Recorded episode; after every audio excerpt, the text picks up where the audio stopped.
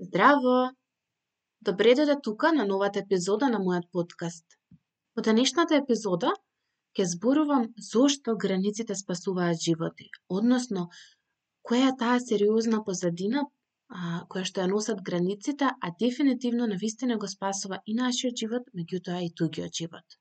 Постојат неколку типови на граници, едни кои што се многу видливи и реално можеме некако да ги забележиме се географските, понатаму физичките, вербалните, телесните, а, психичките граници. И сега додека дел од нив се лесно видливи, овие психичките граници дефинитивно се невидливи и многу ни е потешко да ги опипаме, видиме, забележиме, па дури и да ги поставиме.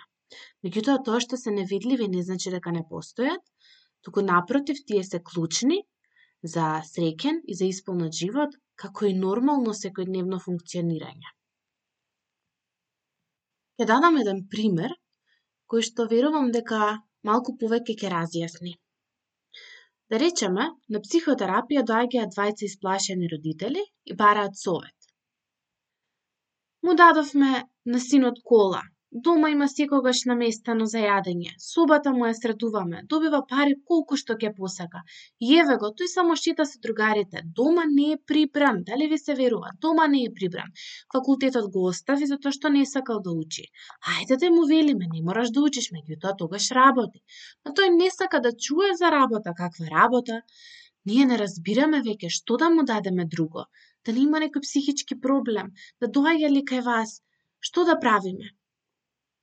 И сега нормално, родителот во оваа ситуација е многу исплашен и со право е многу исплашен. Но, ако забележиме и ако пробаме да видиме која е позадината на ова, ќе дадам уште една метафора. Замислете дека имате еден огромен, прекрасен тревник и исто така вашиот комшија има исто многу убав тревник, но тој никогаш не го одржува својот двор. Вие прскате многу вода, се грижите премногу, па дури и ги оставате прскалките по цел ден да прскаат.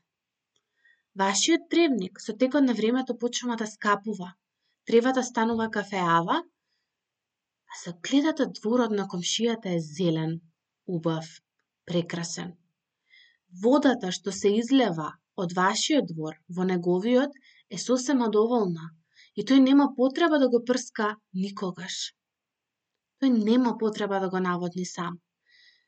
Па сега ако се вратиме на примерот во ситуацијата со синот, дали синот на вистина има проблем или станува збор за родителство, каде што родителот заборавил да постави здрави граници. Во овој случај родителите најчесто добиваат насока да поработат и на себе, односно да работат семејно затоа што со нивното дете нема проблем. Тоест, Проблемот се наоѓа таму затоа што најверојатно овие родители премногу му дале на, на тоа дете. Односно биле премногу добри родители, без да постават здрави граници, односно не само што не поставиле здрави граници, туку воопшто границите ги нема.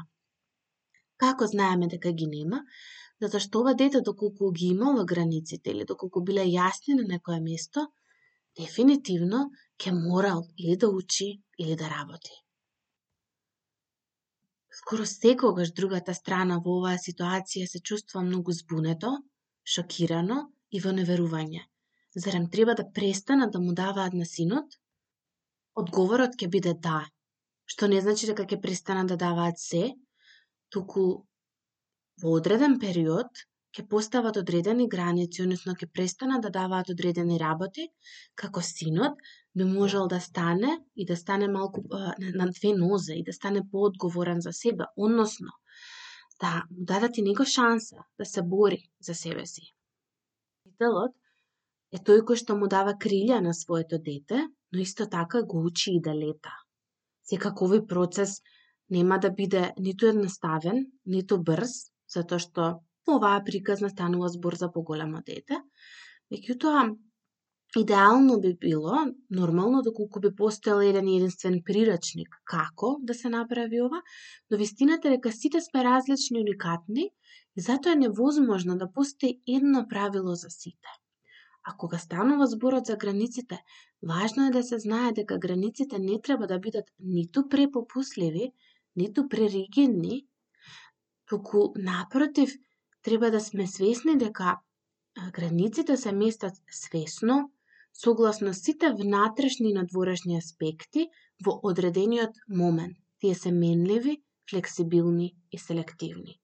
Што значи дека родителот во овој случај, да, може би одреден период, доколку се случува нешто надворешно или внатрешно кај тоа дете, ќе дава малку повеќе, меѓутоа одреден период ќе биде поригиден и ќе дава малку помалку. Сега нема да оди во екстремите, туку тоа е секогаш некаде околу средината. Не е може би точно на средината, но околу средината, што не значи дека во одредени моменти и екстремот не е пожелен. Границите се она нешто кое што не дефинира нас. Тие се тие што не кажуваат што сме ние, а што не сме. Не насочуваат и не покажуваат точно каде завршуваме ние, а од каде почнува другиот. Исто така тие истовремено ни даваат и чувство на собственост. Ни даваат слобода, но и одговорност. Ни покажуваат што е наше за да можеме да се грижиме за него, а исто така ни покажуваат и што не е наше, како би знаеле до каде може да одиме и колку можеме да бараме. Сега тука го нагласувам тоа дека границите се тие што ни даваат одговорност и слобода.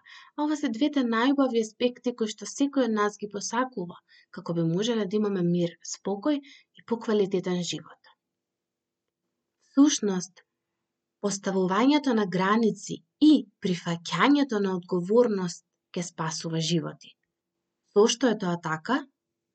Затоа што здравите граници, лични граници, ни помагаат да изградиме повисока самодоверба, ни даваат јаснотија кои сме ние, што сакаме, кои се нашите потреби, а кои се нашите желби, исто така кои, кои се нашите вредности и вредностен систем кој што си го носиме, го носат фокусот на нас и на нашата добросостојба, ни помагаат да одржиме подобро ментално здравје и емоционална добросостојба, не одвлекуваат, односно ни помагаат да не западнеме во burnout или синдром на прегорување, ти помагаат да изградиме независност, да имаме поголемо чувство за нашиот идентитет и да имаме поквалитетни односи не само со нас, туку и со сите други личности – во нашиот живот. Сушност, доколку ние не изградиме и не научиме да поставуваме здрави граници во нашиот живот, сето оно кое што се трудиме да го постигнеме, да го направиме, да го развиеме, по некое време ќе се сруши, односно ќе се прелее и ќе го снема. Па така, сетете се доколку некогаш сте биле на диета во вашиот живот, сте ослабеле, меѓутоа во моментот кога сте ги разместиле повторно границите, килограмите се вратиле. Позадината за тоа е психичка, а, и секогаш, ама секогаш се поврзува со границите. Ова е првата епизода од еден мини серијал за границите, кој што го подготвив, како би можеле сите заедно да ја кренеме свеста за значајноста на границите во нашиот живот. Ви благодарам на вниманието, се слушаме во наредната епизода.